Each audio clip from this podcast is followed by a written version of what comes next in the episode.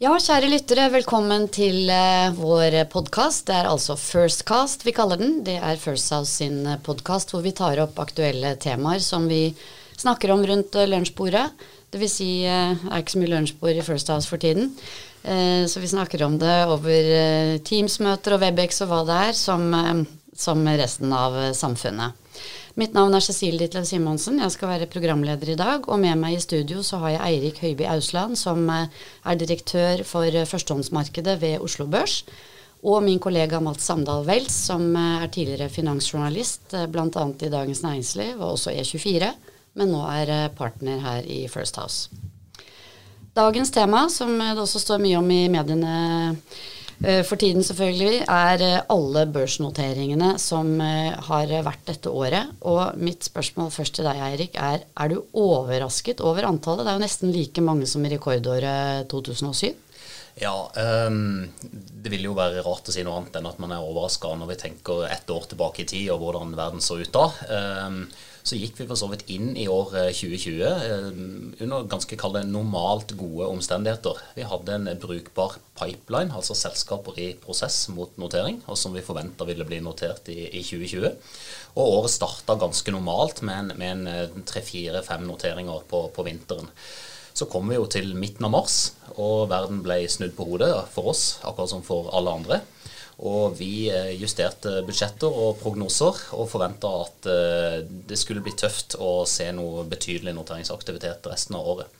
Så eh, var det jo veldig fascinerende å se hvor raskt verden normaliserte seg, i alle fall innenfor finansmarkedet. Allerede i midten, slutten av april, så tok noteringsaktiviteten fart igjen. Og siden har det egentlig vært full fart. Um, og, og, og, påstå at vi trodde det når vi sto der i, i begynnelsen, midten av mars, ville definitivt være å, lyve. Ja, det er jo faktisk et uh, par og 50 vel, nye selskaper på Oslo Børs. Mange av dem på den hva skal vi si, kanskje vekstmarkedsplassen, som først het Markur Market, og nå heter Euronext Growth.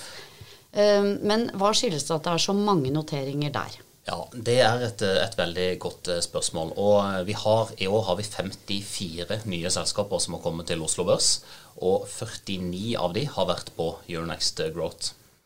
Jeg tror eh, mye av bakgrunnen for det er at den markedsplassen tilbyr mye av, de samme, mye av den samme funksjonaliteten som kaller den tradisjonelle markedsplassen Oslo Børs. Men du får notert selskapet på en raskere og mer effektiv måte. Um, samtidig så, så, skal vi ikke legge skjul på at, at, det finnes fordeler ved å være på hovedmarkedet. Men i en volatil verden, kan vi vel kalle det, så ser vi definitivt verdien av at et selskap kan gå raskt fra en kapitalinnhenting til å faktisk bli notert og få en omsettelig mm. aksje. Og der skiller uh, Euronext Growth seg ut uh, med å være, tror vi, så vidt vi har sett, en av verdens absolutt mest effektive opptaksprosesser. Men, men, jeg må spørre da, før du får ordet, Matt, for nå ser jeg at du gjerne vil ha det, det skal du få. Men er det, er det selskaper som, uh, som blir notert på, på Euronext Growth som hva skal jeg si, som kanskje kommer litt lett til det? Altså fordi terskelen er litt lavere? Er det, de, er det noen selskaper der som kanskje ikke burde vært der?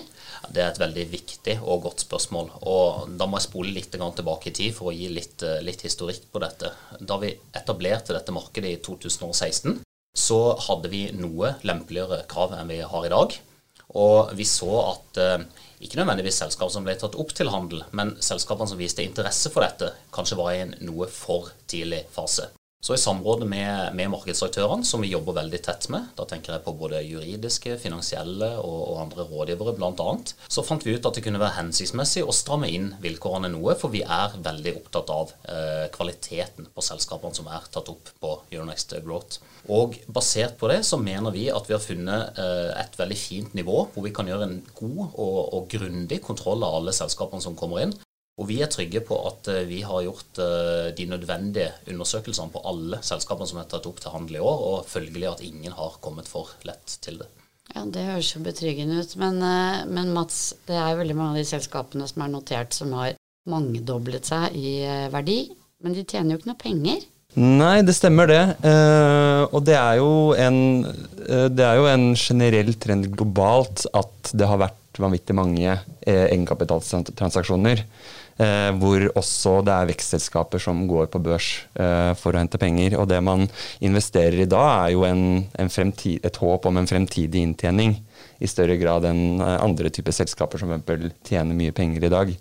Eh, og det er selskaper som, hvor Oslo Børs har vært veldig flinke til å, å tilrettelegge for at man kan hente kapital tidlig, selv om man ikke har kommet så langt i livssyklusen sin i sin egen drift. Eh, og da bruke en markedsplass for å hente penger istedenfor å gjøre det privat. Men hva er det, bortsett fra at det er vekstselskaper, er det noe som kjennetegner mange av de selskapene som er eh, notert? Altså sektortype selskaper? Altså, I, av de vi har sett i år, så er det eh, noen temaer som går igjen eh, på selskapene som har blitt notert. Det er eh, mange selskaper som er teknologidrevet. Det er en del innenfor sjømat. Eh, og så er det mange fornybarselskaper, eller det noen omkaller som ESG-selskaper. Eh, og det ser vi også på tilbakemeldingen fra investorene, at de er veldig opptatt av eh, holdt jeg på å si at, at selskapene treffer det som tematisk er eh, riktig nå. Og at det er en del andre selskaper som sliter å komme gjennom eh, lydmuren fordi det er så mange transaksjoner på bordet akkurat nå. Vi ser at investorene har eh, vurdert én børsnotering i uken gjennom året. Eh, da blir det vanskeligere og vanskeligere å komme gjennom den lydmuren. Men eh, du og resten av eh, finansteamet her i First House jobber jo bl.a. med å bistå selskaper med å forberede seg for notering, enten på hovedbørsen eller på Euronex Growth. Hva er det, Når det er så mange selskaper da, som, som skal ha den oppmerksomheten som du sier, hva gjør det med liksom, forberedelsene deres, og hvordan de kan nå gjennom lydmuren? Jeg tror at uh, med uh, opptaksreglene på Merkur Market, hvor man kan gå på børs på nesten to, eller på rundt to uker, så, uh, så har man mye mindre tid til forberedelser. og det stiller jo selvfølgelig høyere krav i en veldig intens periode for selskapene når de skal på børs. Og så kanskje blir det mer av arbeidet må de også gjøre etter at de har blitt notert. For i vanlige børsnoteringsprosesser så har man ofte flere måneder på seg, og man gjør grundige, forberedelser. Det er også høyere krav, men den jobben må du også da gjøre eh, i etterkant når du, når du, først er notert, hvis du har brukt eh, rekordkort tid, som mange av disse selskapene har gjort i år. Eh, og det ser vi jo at Oslo Børs er jo like opptatt av at de forholder seg til lover og regler som andre selskaper, og det har vært flere selskaper som har blitt notert som også har fått eh, passet påskrevet fordi de ikke har eh, overholdt eh, reglene som, som, de skal. Og det er kanskje en del av den mangelen på tid de har opp til notering på å forberede seg på å faktisk være i henhold til lover og regler når de først er notert. Dette at eh, altså alle som eh, jobber på kontor, da, for å bruke det uttrykket. Vi har jo ikke kunnet være på kontoret. Eh, og det gjelder vel sikkert mange av selskapene og prosessene frem mot noteringer også, Eirik. Hvordan har altså selve prosessen vært? Liksom, blir man notert via Teams? Er det sånn det skjer? Ja. Eh, historisk så har vi eh, faktisk krevd å ha et fysisk møte med ledelsen i alle selskaper som vurderer børsnotering. Det er for å bli bedre kjent med folkene som står bak selskapet, og ikke minst at de skal få anledning til å redegjøre for hvorfor de er kall det fit and proper for å bli et børsnotert selskap. Og, og, det er viktig å, å, bare påpeke her at det kreves en del forberedelser før man sender inn søknaden til Oslo Børs. Eh, så, så, det Mats nevner om forberedelser, er helt essensielt i, i, dette. To uker hørtes liksom litt snaut ut, men eh, det er mulig det går? Ja, to uker er da den formelle prosessen opp mot Oslo Børs, og det forutsetter at du har gjort tilstrekkelige forberedelser. Eh, det skal være gjort ganske mye i selskapet. Man skal ha en finansavdeling som er klar og har kapasitet og kompetanse til å være et børsnotert selskap. Man skal ha gjort de nødvendige due diligence, altså selskapsundersøkelser på forhånd. Man skal ha samarbeid med en godkjent Euronext Growth-rådgiver, eh, som er et krav for å bli tatt opp til handel på den markedsplassen. Så det ligger ganske mye bak det. Det vi gjør, som eh, kanskje vi gjør i større grad enn andre børser, er å legge til rette for en veldig effektiv, men likevel grundig prosess når man først er kommet dit at man er klar til å sende inn en formell søknad. Og alt skjer digitalt nå? Og for å svare konkret på, på det spørsmålet, så er det mulig å gjøre alt digitalt nå. Det er det. Vi møter selskapet via Teams, som veldig mange andre gjør i, i disse dager.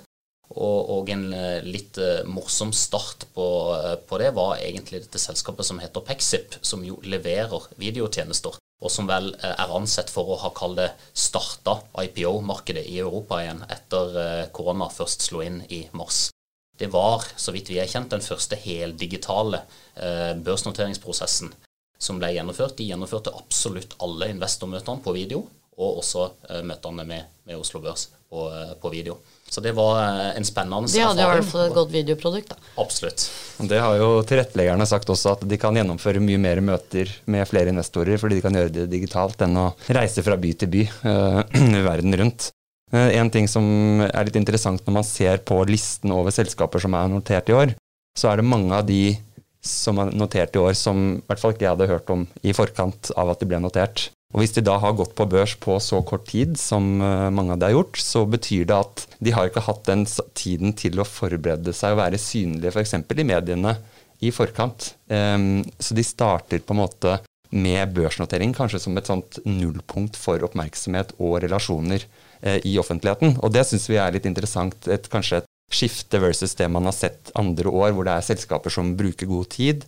Kanskje i forkant bruker tid på å plassere budskap om hvem uh, virksomheten er, hva de er flinke til, hva de leverer på. Skape investorinteresse, rett og slett. Skape investorinteresse, sånn som vi ofte jobber med. Mens nå er det på en måte kanskje offentliggjøringen av at de går på børs eller en transaksjon, som er starting pointet for på en måte den, uh, offisielle, det offisielle livet. Men det må jo være en del selskapsledere som er litt deppa, som har gledet seg til å stå liksom på balkongen på Oslo Børs og ringe den der bjella som vi ser bilde av i avisa.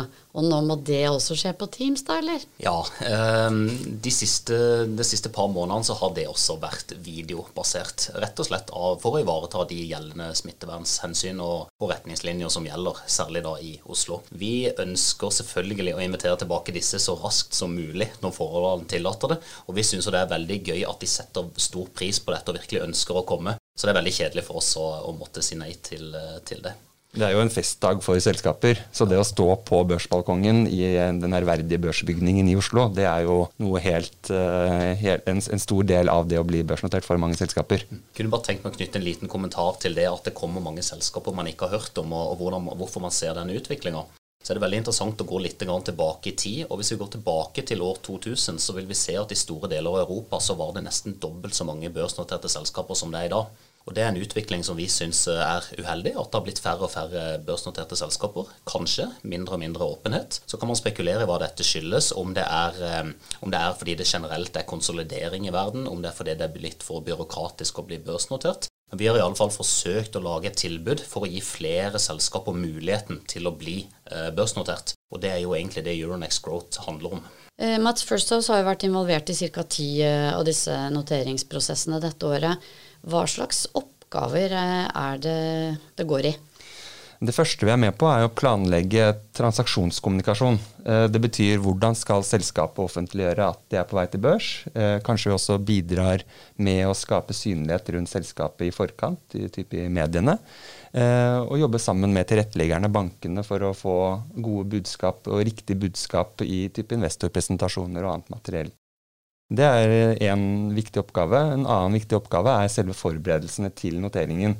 Man skal skape et rammeverk for god investordialog eh, når man først har blitt notert. En, det vi kaller en investor relation-funksjon.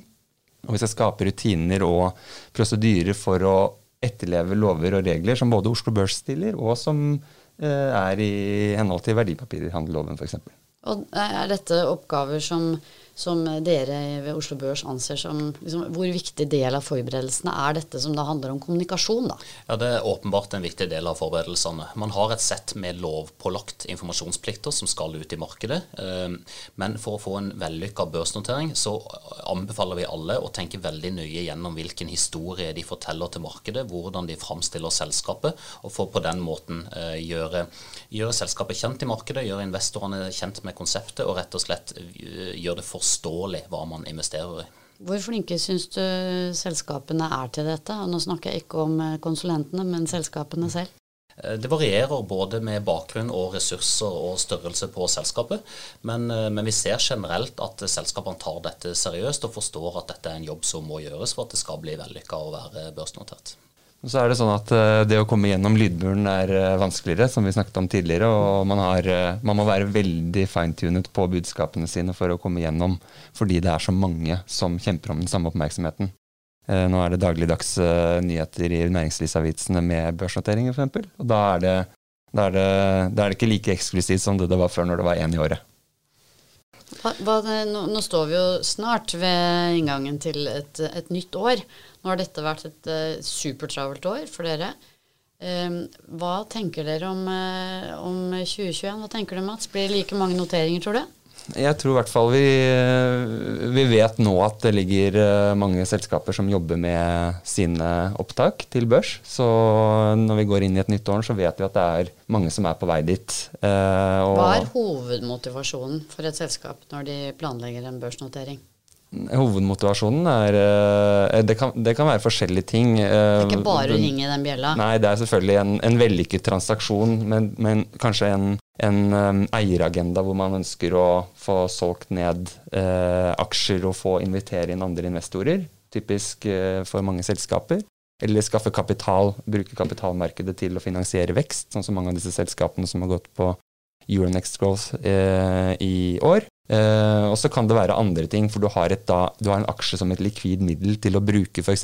som insentivmodell eller tilbakekjøps... Ja, den, den, skaper fleksibilitet i kapitalstrukturen til selskaper. Så det er, det er mange hensyn. Jeg var eh, litt tabloid og sa at børsbjella var uh, var sentral, men eh, det er, det er kapitalstrukturen og det og fundamentale som er viktigst. Du har reparert inntrykkene, og alt er i orden. Eirik, 2021, eh, hvordan blir det?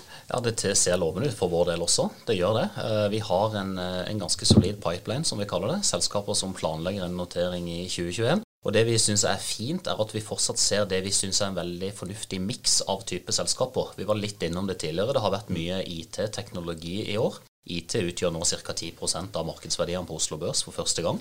Så det er blitt et, et reelt alternativ eh, for IT-selskaper å børsnotere seg. Eh, vi ser at det er også en miks mellom små og store selskaper eh, som bidrar til å, å gi en fin dynamikk. Samtidig som vi på ingen måte har glemt de tradisjonelt sterke sektorene i Oslo med energi, shipping og, og sjømat. Og vi har sett veldig mye sjømat i år. Sjømatselskaper som har notert seg. Vi har sett mye fornybar energi. Begge deler tror jeg vi fortsatt kommer til å se til neste år. Og, og vi har shipping, som tradisjonelt har vært sterkt i Oslo, men har hatt et vanskelig år generelt sett. Der tror jeg også det er muligheter for at markedet kommer tilbake, og at vi vil se mer aktivitet i 2021. Så alt i alt ser det veldig lovende ut fra vår side. Det med Energimarkedet er jo veldig interessant, og jeg tror det er mange utenlandske energiselskaper som også søker til Oslo fordi energimarkedet er jo veldig interessant. Jeg eh, tror det er mange utenlandske selskaper som, eh, som ser til Oslo Børs fordi vi har lang erfaring og ekspertise på energiselskaper, hovedsak olje, men, men, også nå i andre typer energikilder. Og det har vi sett også flere selskaper i år og som kommer inn i neste år som, som er utenlandske, men som driver med fornybar energi. Spennende. Mye tyder i hvert fall på at det skjer mye næringsutvikling eh, og, og gründerskap, kan man si det, med alle disse nye selskapene, Erik? Ja, det tror jeg man kan si. Eh, det gir mange selskaper en mulighet til å skalere opp utover det de ville fått muligheten til hvis de eh, måtte finne kapital et annet sted som kanskje ikke ville vært tilgjengelig. Da får vi håpe at dette er gode nyheter for oss alle sammen. Tusen takk for at dere var med, og riktig god jul, og takk til dere som hørte på.